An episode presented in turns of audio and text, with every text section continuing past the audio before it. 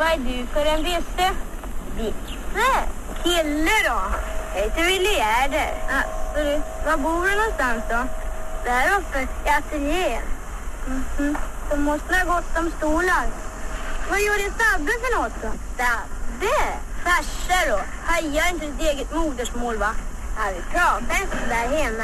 Det här Christian, det, det här är ju ekensnack. Ja, Det är lite roligt att vi är inne på vårt sjätte avsnitt här men vi har faktiskt inte riktigt berört det här med ekensnack. nej, men eh, det är väl på tiden nu. Det här var ju en slags sociolekt kan man ju säga eh, bland arbetarklassen i Stockholm. Eh, Idag kan man ju göra en jämförelse till den så kallade förortssvenskan.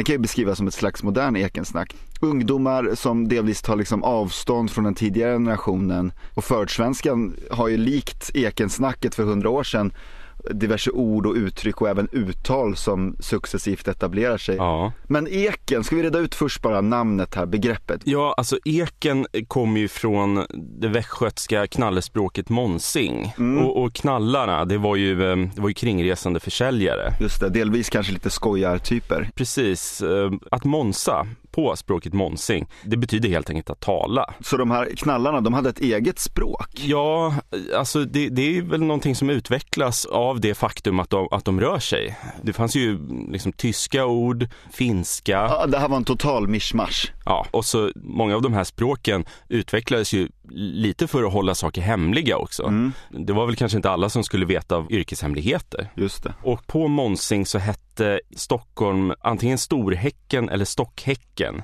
Och där är ju stock troligen samma ord som stock i Stockholm. Och, och häck eh, på Monsing det betyder hus, härberge eller stad. Så Storhäcken skulle alltså då betyda storstan. Just det, för det man kan tillägga här är att ä uttalades ju e, Ja. så att häcken uttalades ju heken. Precis. Och därav förkortat till eken. Skulle ni inte kunna lära mig att prata sådär? Ja. Jag kan ju ge dig lektioner, men då måste du pröjsa. Pröjsa? Betala då. Ja, visst.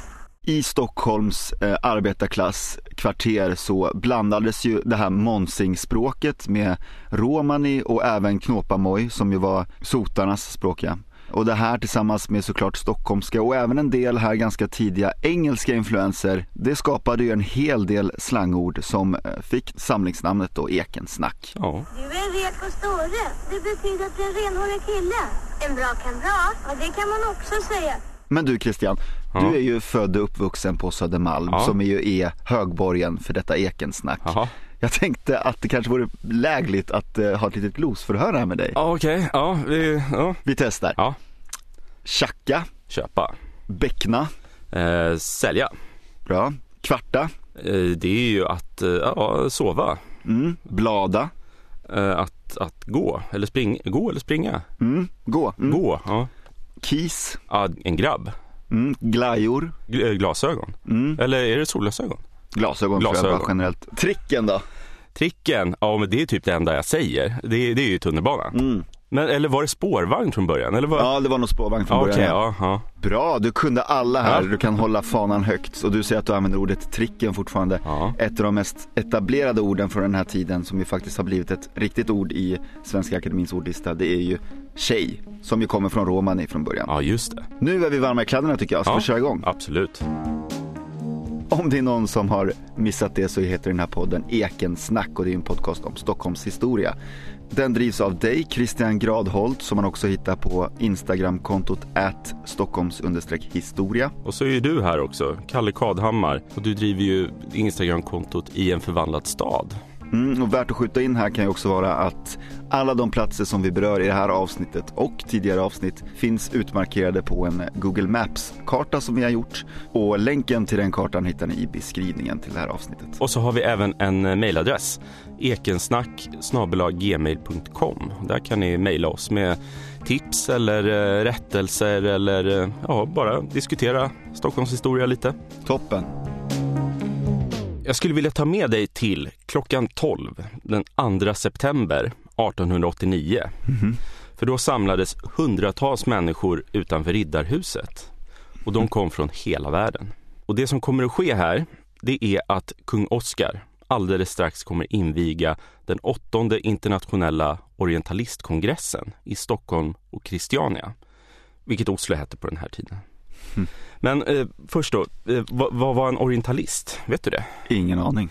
Alltså det var främst eh, språkforskare, filologer, mm. som sysslade med orientaliska språk. Mm. Och de kunde kallas arabister, sanskritister, semitister och iranister och en massa andra typer av ister. Mm. Men även arkeologer, religionsforskare, historiker, antropologer och ja, andra typer av forskare kunde kalla sig orientalister. Mm. Det ligger lite i intresseområdets och den historiska periodens natur att alla som på något sätt sysslar med vad som förr kallades för Orienten kunde vara orientalister. Mm. Edward Said, han har skrivit boken Orientalism, en engelsk palestinsk eh, litteraturvetare. Han har pratat om den här europeiska benägenheten att klumpa ihop ett till ytan enormt område i vilket en enorm variation föreligger. Mm. Och naturligtvis hade de här orientalisterna en sak gemensamt. Eh, för den som kallade sig själv och av andra betraktade som orientalist var i regel en vit europé och nästan alltid en man. Mm. Men en liten bakgrund bara till själva kongresserna. Ja. Som jag sa så var det här den åttonde orientalistkongressen i ordningen. Mm. Och den allra första, den var i Paris 1873. Efter det så hade man samlats i eh, London, Sankt Petersburg, Florens, Berlin och Leiden.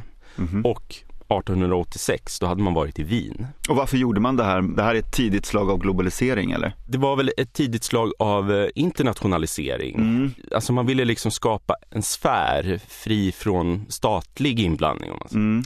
Men tillbaka till Stockholm då och Riddarhuset. För det är här och nu som någonting exceptionellt kommer att hända. För efter kung Oscars invigningstal, som han för övrigt höll på latin, tog eh, Carlo Landberg till orda och han var den här kongressens generalsekreterare. Mm. Och det han sa i sitt inledningsanförande, det var något som väckte förundran och bestörtning och i vissa fall förtjusning faktiskt.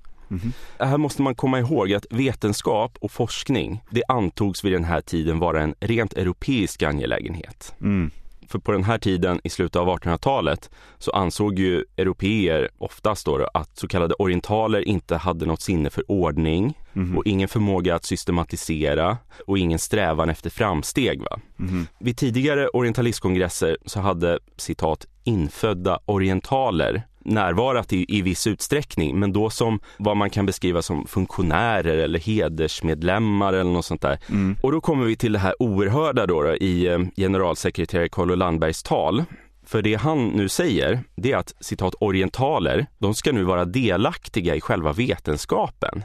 Mm. Och han hade formulerat ett tema som skulle prägla hela kongressen som löd Österns och västerns förbrödring genom vetenskapen. Och han tänkte sig att orientaler nu skulle få tillgång till den vetenskapliga metoden mm. av de europeiska vetenskapsmännen och genom den här kongressen. Då, då. Och den här gåvan skulle liksom bidra till återställandet av den enhet och broderskap mellan Europa och Orienten som förelåg någon gång innan korstågen ägde rum, tänkte sig Landberg. Okay. Och det hela bygger liksom på att Orienten ska lyftas upp till en nivå som motsvaras av den europeiska civilisationen och, och dess vetenskapliga förmåga. Och av den här anledningen så är ju antalet så kallade då infödda orientaler exceptionellt hög. Okay. Här, här, i Stockholm om man jämför med tidigare orientalistkongresser. Och det här faktumet tillsammans med det här temat som Landberg hade formulerat var ändå väldigt kontroversiellt. Mm. Som sagt så avlöpte ju invigningen i Riddarhusets stora sal Mm. Men kongressens själva möten, de hölls på Grand Hotel. okay. Och utöver mötena så hade man ovanligt många utflykter och aktiviteter. Eh, bland annat en simuppvisning på Strömbadet och en utflykt till Gamla Uppsala och det var konstutställningar. Och så var de, det var någon inbjudan till Allmänna telefonbolagets hus vid mhm. Brunkebergstorg. Mm. Och så var det väldigt mycket fester. Mm. Det var en stor invigningsfest på Drottningholms slott med kungen så var det en bankett på Grand Hotel och det var en fest på Hasselbacken och en avslutningsbankett endast för kongressens manliga medlemmar. Okay. Så det är väl lite si och så med den här progressiviteten ändå. Ja. Och det var ju kontroversiellt det här med festerna. Det, det, var väldigt mycket tid som gick åt till vad väldigt många tyckte var oväsentligheter. Det tog tid från kongressens arbete liksom, som bestod i föredrag om eh, nyss funna och översatta manuskript från Egypten och verbformer och alltså rent språkvetenskapliga ärenden. Mm. För syftet med, med kongressen var ju att, att hela det internationella orientalistsamfundet skulle liksom vara up to date vad gäller forskningen. Ja. För, för det är ju dumt om någon orientalist i ett land börjar syssla med något som redan var utrett av någon orientalist i ett annat land.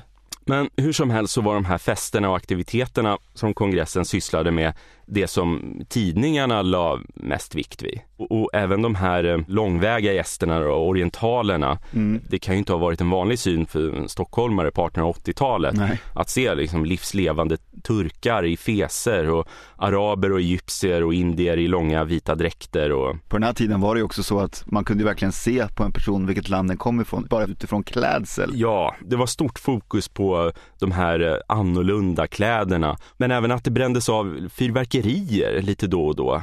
Bland annat när kongressen åkte tillbaka till Stockholm från Drottningholm under invigningskvällen så brände man av ett stort fyrverkeri och det var livligt rapporterat i tidningarna. Mm.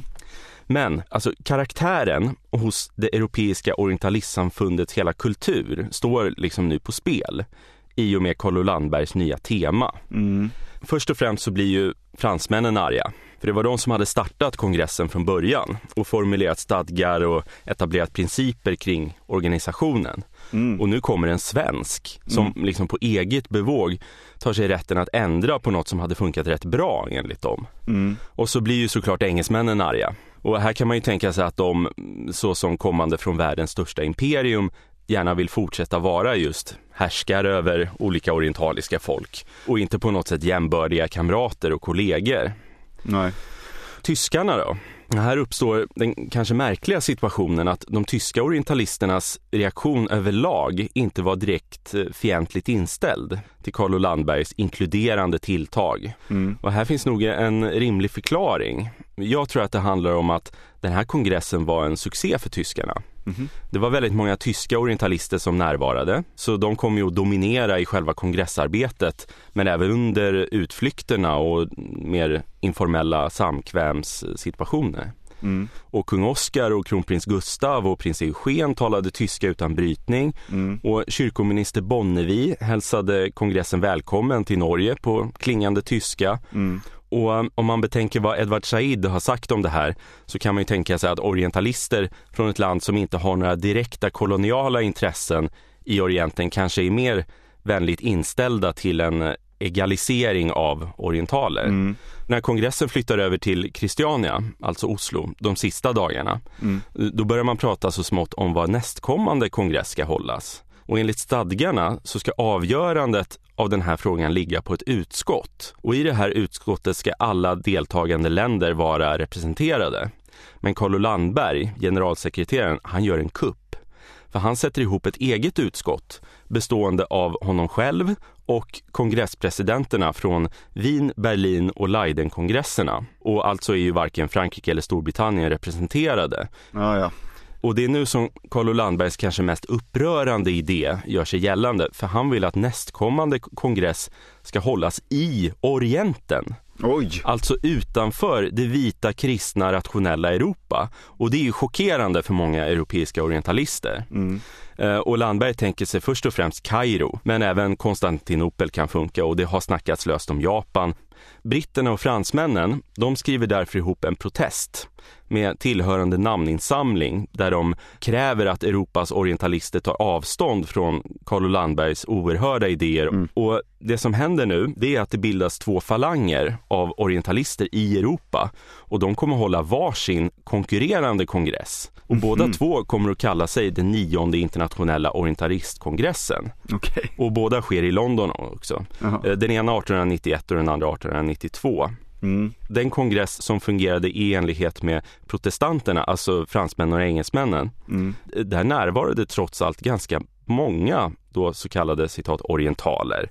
Eh, Så det talar väl för att den här konflikten kanske egentligen inte hade med närvaron av orientaler att göra utan snarare vad man ansåg att själva kongressen skulle syssla med vad gäller ja, vetenskap och politisk agitation och sådär.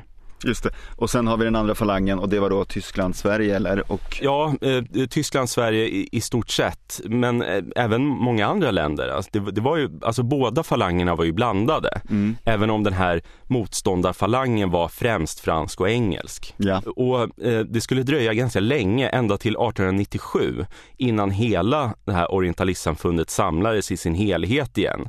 För då höll man kongress i Paris. Och i och med den här kongressen så kan man säga att de senaste årens eh, konflikt som då började i Stockholm 1889 var avslutad. Då, då. Mm. Det var mm, stora saker som hände här i Stockholm. Verkligen. Jag vet inte, kände du till orientalistkongressen? Aldrig hört talas om. Den kanske hamnar lite i skymundan, alltså bakom um, Stockholmsutställningen och ja, OS och sådana här andra stora internationella händelser. Men på sin tid var det här en, en, väldigt, väldigt stor händelse. Ja men det kan man ju förstå, alltså bara som du var inne på att folk från främmande länder kommer hit i stor mängd. Ja. Det måste ha varit extremt uppseendeväckande. Det var ju enormt dyrt att resa så långväga. Ja. Verkligen. Och att då så många tog sig mödan att komma till Sverige måste ju varit väldigt eh, spännande. Ja precis, alltså folk kom från Japan och Brasilien och Egypten och Osmanska riket och Iran och Indien. Ja, det var en väldigt stor internationell händelse. Och det är ju roligt det här som du är inne på här under 1800-talet, internationaliseringen som du pratar om, att det börjar dyka upp forum och kongresser och ambitioner att förenas. Ja över gränserna. Mm. Nationalromantiken pikar väl här å ena sidan men å andra sidan inser man ju också att det finns mer att vinna på att förenas i vissa eh, aspekter än att eh, bara arbeta inhemskt. Ja. Och ett annat exempel på eh, sådana här stora konferenser är ju konst och industriutställningarna och världsutställningarna som började äga rum här på 1800-talet. Ja. Och det är faktiskt det jag skulle vilja prata om idag. Vad kul! Lägligt nog. Ja. Det här är ju också då delvis ett resultat av industrialiseringen som började ta fart här och som hade banat väg för massa nya uppfinningar och tekniska lösningar. Så här uppstår ju då ambitionen och viljan att ha ett slags mässor där företag och designers och konstnärer och arkitekter sammanstrålade på en given plats och visade upp sina nymodigheter. Det slår mig också att egentligen nu kanske man, som man kan börja prata om trender. Det vill säga mm. att man på kort tid eh, ändrar smak och tycke om olika saker. Alltså de här utställningarna, de har ju ofta utgjort liksom brott mm. med det gamla. Det har kommit väldigt tydliga nya saker i och med de här utställningarna. Och de tog lite olika skepnad och de ägde rum på lite olika platser i världen. Och till några av de mest kända hör ju då kanske världsutställningen i London 1851. Den var ju den allra första i sitt slag. Den första som var också uttalat internationell.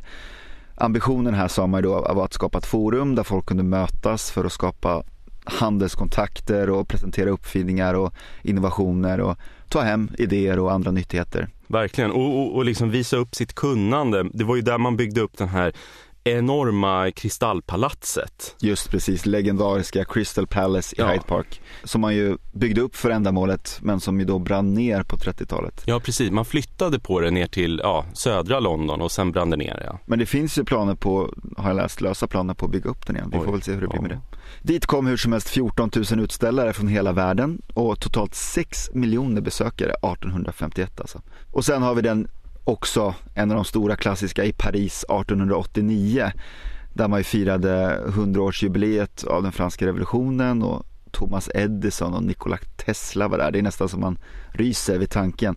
Den avlöpte faktiskt samtidigt som orientalistkongressen som jag berättade om. Eh, bland annat den här egyptiska delegationen kom eh, direkt från Paris till Stockholm. Där visar man ju också upp det här nybyggda Eiffeltornet som ju då var världens högsta byggnad va? och agerade entré till utställningsområdet. Och nu då i Paris hade fenomenet vuxit i omfattning. Nu snackar vi 32 miljoner besökare den här sommaren. Så att det här var ett stort fenomen på den här tiden och även om de här världsutställningarna faktiskt fortfarande lever vidare. Senast hölls ju en i Dubai 2021. Va? Ja. Helt missat det. och 2025 blir det i Osaka. Det är en, liksom en organisation som övervakar och driver de här eh, världsutställningarna som heter Bureau International de Expositions, BIE. Det där var uselt uttal för övrigt. Men eh, de här utställningarna är ju långt ifrån allmänhetens kännedom idag. Men det är svårt att liksom föreställa sig. Men jag tänker att det närmsta vi har idag egentligen som går att jämföra på något långsökt sätt är ju typ OS. Det Det är liksom Ja. ett stort runtresande evenemang som inte undgick någon helt enkelt. Ja, det var totalhändelser liksom. Just det. Men förutom då de här stora välkända internationella utställningarna så finns det ju för oss svenskar, inte minst för oss Stockholmsnördar, en och annan utställning som man ju ofta pratar om och refererar till och vi Ja. har gjort det förut här i podden till och med. Framförallt är det då den allmänna konst och industriutställningen i Stockholm 1897. Ja, Den ägde ju rum på Djurgården och skulle få en stor plats i vårt gemensamma minne, inte minst genom Per-Anders Fogelström som skildrar den i sin just stadserie. det. Emily var där och sålde tvål. Just precis. Och även tack vare de här fantastiska fotografierna från händelsen som finns att beskåda. Där ser man ju ett Djurgården fullt av fantasifulla, spännande byggnader som tillfälligt stod där och inhyste en massa häftiga nymodigheter. Ja, Och även om, om den här utställningen inte officiellt ingår i radarn av världsutställningar så var det ju många internationella besök här och utställare från olika länder. Det här var helt enkelt vår lilla nordliga motsvarighet till Londons 1851 och Paris 1889. Men hur hamnade vi då här? ja. Stockholm hade ju haft planer på liknande utställningar tidigare. 1851 den hette officiellt Expositionen av svenska slöjdalster i Stockholm och var Sveriges första produktutställning i liksom temporära byggnader. Vad, vad menades med slöjd då? Var det korgar och, och träkåsor eller vad? Det var mycket allehanda produkter av enklare slag. Det var inte liksom kanske uppfinningar men det var Nej. möblemang. Till den här utställningen kom bland annat på Linders Mekaniska Verkstad och visade upp järnspisar och en uppmärksammad strykugn som kunde värma åtta strykjärn samtidigt. Ja. Och från England kom toaletter med vattenspolning Oj. och med beskrivningen Engelsmännen kallar detta vatterklosett eh, som är att rekommendera för bekvämlighet och snygghet. Den här eh, utställningen den arrangerades av Svenska slöjdföreningen och den ägde rum eh, under fyra veckor på sommaren 1851 eh, i Brunkebergs hotell och i eh, lite tillfälliga baracker på Brunkebergs torg. Men intresset att delta var rätt svagt och invigningen fick flyttas fram flera gånger faktiskt. Först 1 juni, sen till 12 juni och sen 16 juni. Evenemanget gick med ekonomisk förlust och en av anledningarna var ju att det pågick en stor industriutställning i London samma sommar. Så det var ju lite otur. Viss konkurrens, men det var inget fel på ambitionerna. Nej men precis.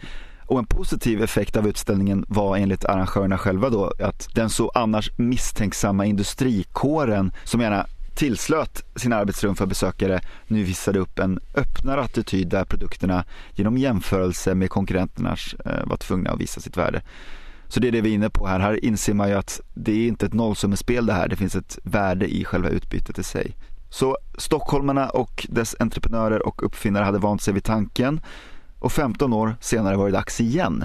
Stockholmsutställningen 1866, det Just brukar räknas det. som Sveriges första typ internationella konst och industriutställning. Eh, Den ses som den första i en serie nordiska utställningar som skulle följa de kommande åren här under 1800-talets andra halva. Sommaren 1866 då, då höll man till i Kungsträdgården istället. Mm. Eh, budskapet här var att folket skulle lära sig av teknik och eh, fostras av konst, vilket skulle stärka Sverige i den internationella konkurrensen. Eh, och i, vid invigningen här kan ju nämnas att hovfotografen Johannes Jäger tar det som brukar räknas som Sveriges första reportagefotografi. Just det. Det vill säga en dokumenterande bild över själva invigningen. Och det finns flera fina bilder härifrån. Bland annat visades ju en, en gipsvariant upp av Molins fontän som blev eh, förlaga för den fontän som ju nu står i Kungsan.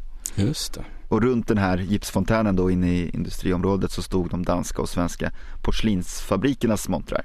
Men inte heller den här utställningen blev den framgång som man hade hoppats på. Det blev färre besökare än förväntat och ekonomiskt var det ett stort fiasko. Från utlandet kom bara 50 000 besökare. Man hade räknat med 10 gånger så många och här kan man ju då jämföra mot Londons 6 miljoner besökare Ja. totalt eh, redan 15 år tidigare. Sverige var väl ännu längre i utkanten då. Ja men exakt. Men som man brukar säga, tredje gången gilt, eller hur? Ja, I december 1893 då gav kung Oscar II okej till ytterligare en konst och industriutställning som ledande entreprenörer eh, hade föreslagit för honom. 1895 då började man uppföra de här husen och paviljongerna som var ett hundratal eh, i antalet på Djurgården i Stockholm. Ansvarig arkitekt var här Ferdinand Boberg som vi så ofta får anledning att återkomma till. ja. Och det här utställningsområdet då, man kan ju säga det påminner delvis om en stor nöjespark liksom med Ja, restauranger, barer, kaféer, uppvisningar och utställningar. På Lejonslätten på Djurgården. Och 15 maj då, 1897, då slog man upp portarna för allmänheten. 10 kronor kostade entrébiljetten på premiärdagen. Sen sänktes det till 2 kronor.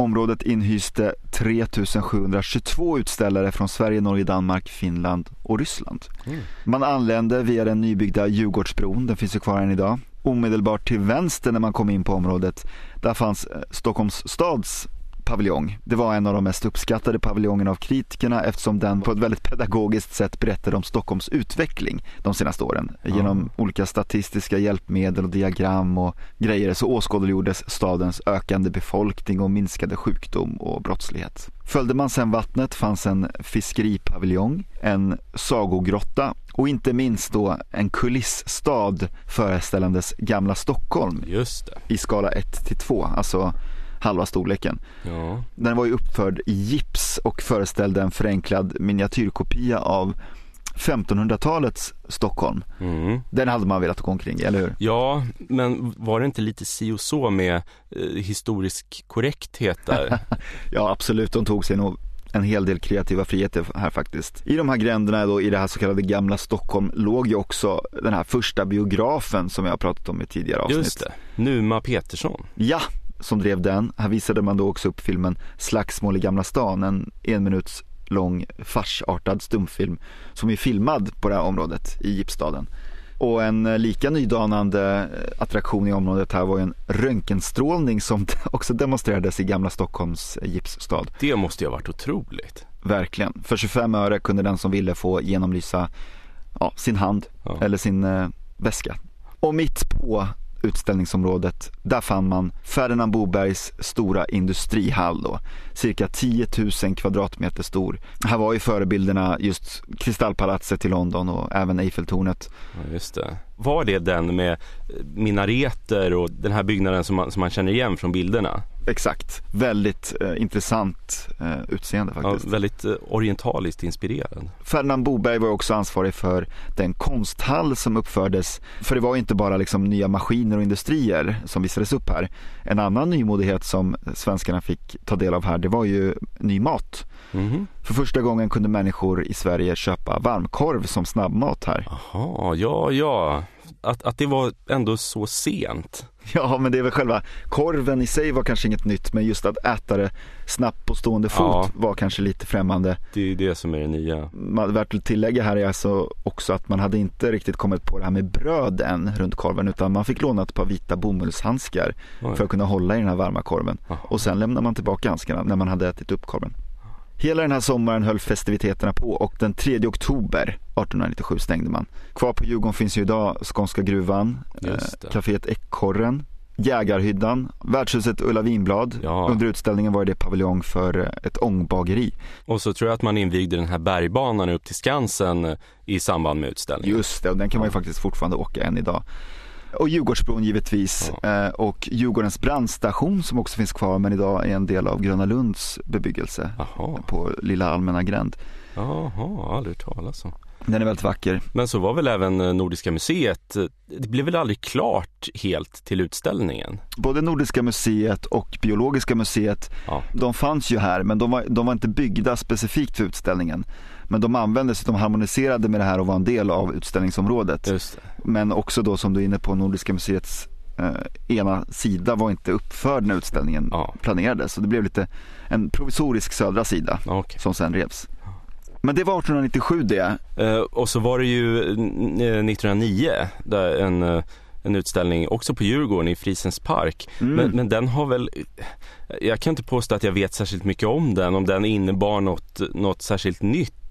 Alltså det man kommer ihåg är väl själva byggnaderna. Det var ju där som eh, Boberg ändå byggde upp sin vita stad. Mm. Men eh, själva utställningen tycker jag nästan har nog kommit lite i skymundan av de andra större succéutställningarna. Ja men så är det väl verkligen. Men de, de rivs ju av i rask takt här så det är inte så konstigt att några av dem kanske faller undan. För det dröjde ju då, från 1909 dröjde det bara knappt 20 år innan Svenska slöjdföreningen hämtade andan igen för att föreslå ytterligare en utställning med större fokus på konst och design. Och den blev ju desto mer ihågkommen. Den resulterade ju i det här Stockholmsutställningen 1930. Just det. Som utställningsarkitekt var ju faktiskt för övrigt Le Corbusier en kort tid aktuell. Eh, men han hoppade i okänd anledning av. Det är ju väldigt intressant detalj tycker jag för att vem vet vad det hade kunnat få för inverkan på Stockholms och Sveriges fortsatta arkitektoniska uttryck. Ja. Men eh, istället engagerades då Gunnar Asplund, fantastiska Gunnar Asplund för uppgiften. Ja, och det är han som har gjort eh, Stadsbiblioteket bland annat. Ja, så i och med den här utställningen får han sitt stora internationella genombrott. Och det är ju egentligen här då som funktionalismen och modernismen har sitt genombrott i Sverige. Och det är Mm. det som gör den här utställningen väldigt intressant. Den hölls ju eh, mellan 16 maj och 29 september 1930. Den här lockade närmare 4 miljoner besökare. Så den var betydligt mer framgångsrik än tidigare varianter. Och det här utställningsområdet var ju i huvudsak då längs Djurgårdsbrunnsvikens norra strand och sträckte sig liksom ja, men från diplomatstaden i väst eh, till dagens Kinas ambassad i öst. Just det. Och det var Asplund då som ritade eh, extremt enkla utställningshallar fyllda med ljus, luft och rymd. Mm. Och på kvällen nyttjades det elektroniska ljuset som ett uttrycksmedel i sig. Man hade en jättehög, eh, en 80 meter hög mast också. Precis, jag skulle komma till den. Ja. Det är kanske utställningens mest synliga arkitektoniska inslag. 80 meter hög eh, mast, man kan googla på den här och kolla på den, den är ganska intressant. Inte speciellt vacker stålkonstruktion egentligen, fylld av neonskyltar som gjorde reklam för bland annat Läkerol och Veckojournalen eh, och Philips och sådär. Men det brukar anses liksom att det är här som neonskylten etablerar sig på riktigt i Stockholm. Ja, ja. Det hade ju funnits neonskyltar tidigare givetvis men man kunde tydligen notera en kraftig försäljningsökning av neonskyltar efter utställningen just. Förutom neonskyltar så fanns ju det här då eh, ett antal nya produkter som visades upp från Arefors bland annat och eh, en viss ung Bruno Mattsson från Värnamo Mhm. besökte utställningen och blev tydligen så inspirerad av utställningen att han genast började arbeta på formpressat böjträ. Och så har vi bostadsavdelningen då eh, som var stor och viktig del av den här utställningen. Som var utformad av en mängd svenska arkitekter och den innehöll ju då liksom hyreslägenheter och radhus. Och så hade Kooperativa förbundet också en, en Konsumbutik som var placerad i det här villaområdet som man visade upp. Okej. Och värt att notera också, nu lanserades korv med bröd, Christian. Jaha, ja det var på tiden. Man kunde också äta pingglass för första gången. Ah. Det som jag tycker är väldigt intressant med den här utställningen är att det finns väldigt mycket bilder från den här utställningen. Det är bara att söka på dem på internet så hittar man dem. Och inte minst finns det massa färgbilder från utställningsområdet. Och det är det här som jag tycker är så intressant för det slår mig när jag kollar på de här bilderna hur enormt mycket som har hänt under de här 30 åren mellan 1897 och 1930. Och när man kollar på de här färgbilderna från 1930 på de här funkishusen och reklamskyltar för Philips och Läkerol det skulle kunna vara från 1970 lika Ja. gärna. Det, det, det var jag hade gissat att de här bilderna är ifrån. Ja, Det är väldigt intressant tycker jag hur enormt stora steg som tas här teknologiskt och så vidare mellan de här två utställningarna. alltså jag tycker att det slår slint i huvudet nästan när man ser de här. För att alltså på människorna och deras klädsel och sådär så ser man att det, det är i stort sett fortfarande 20-tal. Ja. Men på byggnaderna så här ser det liksom nu, nästan nutida ut. Ja men exakt. Och det här säger ju verkligen också någonting om hur cutting edge, alltså hur långt i framkant eh, den här utställningen var. De här funkishusen som man uppvisade, de var ju rent designmässigt extrema nymodigheter. Men de innehöll ju också badrum och WC och rinnande kall och varmvatten och komplett utrustade kök och balkonger. Så det här var ju någonting nytt verkligen. Här bröt man mot det gamla. Och det är ju som alltid då när nymodigheter kommer till stan. Det omfamnas ju inte av alla.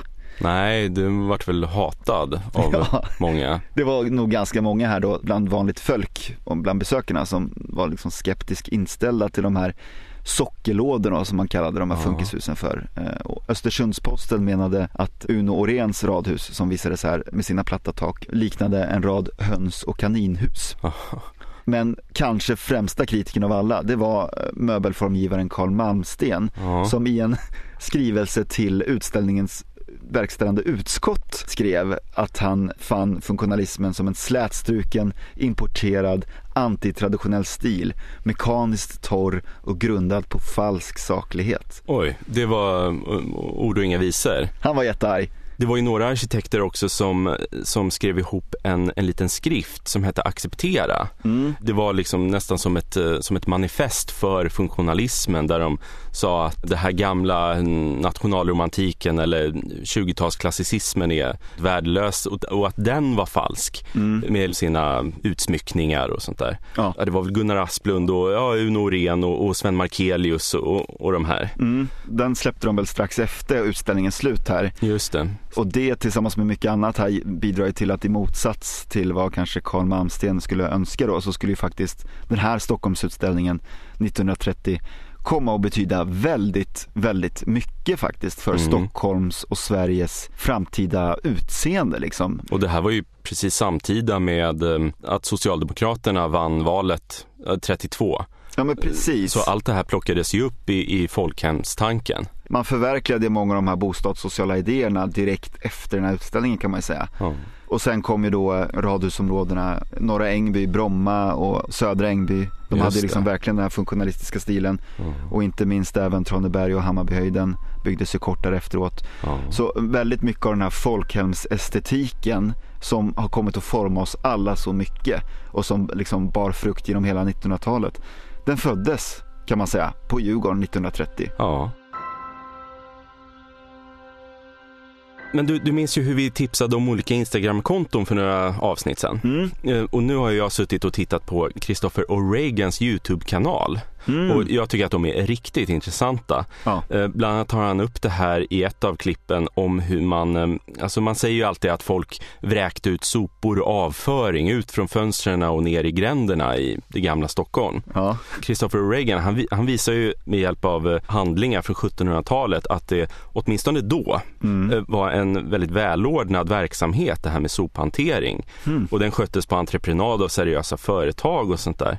Okay, okay. Så när man tänker sig 1700 1800-talets Gamla stan, då ska man inte förvirra sig och tro att folk levde i någon sorts medeltidstillvaro. Nej. Och jag gillar verkligen när myter avslöjas som just myter. Och, det tycker jag att han gör på ett eh, väldigt intressant sätt. Och han har massa sådana här klipp. Han verkar vara en väldigt trevlig typ också. Han är otroligt sympatisk. Och med de orden kanske vi ska runda av för idag då. Tack för idag. Christian Gradholt heter du. Man når dig på Stockholms historia på Instagram. Och dig Kalle, dig når man på Instagramkontot i en förvandlad stad. Yes. Och oss gemensamt når man ju då på eh, ekensnack gmail.com. Och musiken tackar vi Christian Jäderberg för.